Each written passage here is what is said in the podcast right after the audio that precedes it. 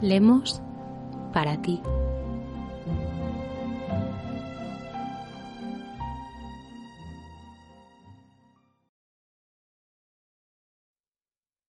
Movendo os marcos do patriarcado, o pensamento feminista de Emilia Pardo Bazán, de Marilar Aleixandre e María López Sande. Capítulo 4. Todas as mulleres conciben ideas, mas non todas conciben fillos. La maternidad es función temporal, no puede someterse a ella entera la vida. Además de temporal, la función es adventicia. Todas las mujeres conciben ideas, pero no todas conciben hijos.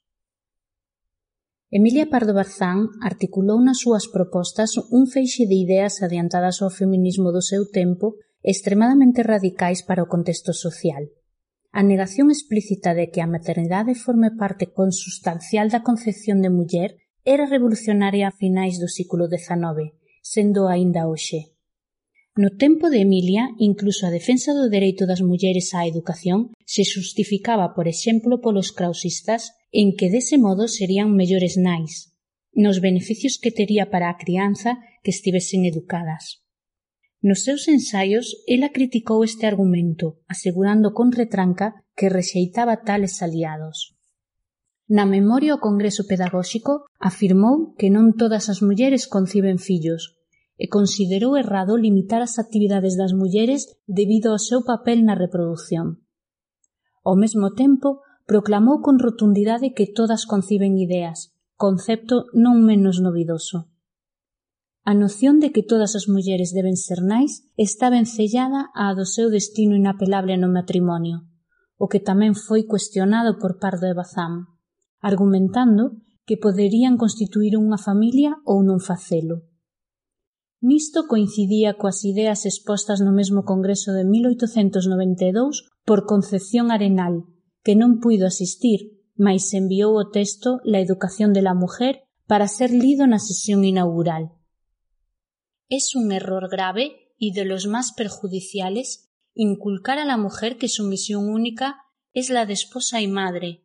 Equivale a decirle que por sí no puede ser nada y aniquilar en ella su yo moral e intelectual, preparándola con absurdos deprimentes a la gran lucha de la vida.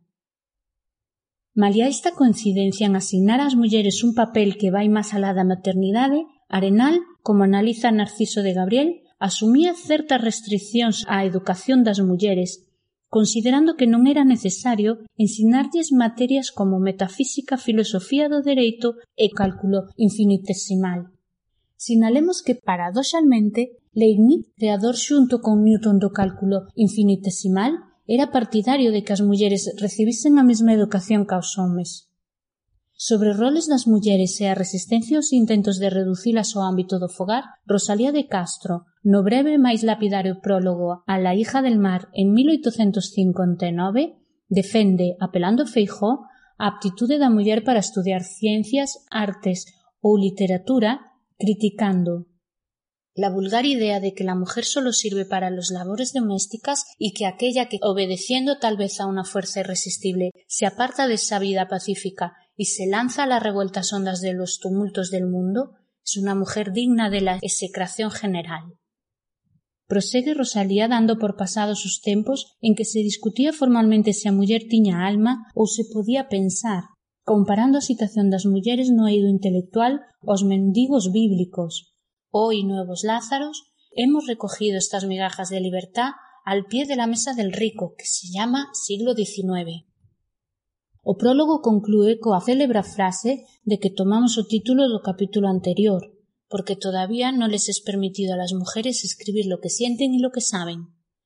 No imaginario social estaba, e aínda está, firmemente instalada a idea de que unha muller debe ser nai para ser unha muller completa. Noutras palabras, que ser nai non é unha opción.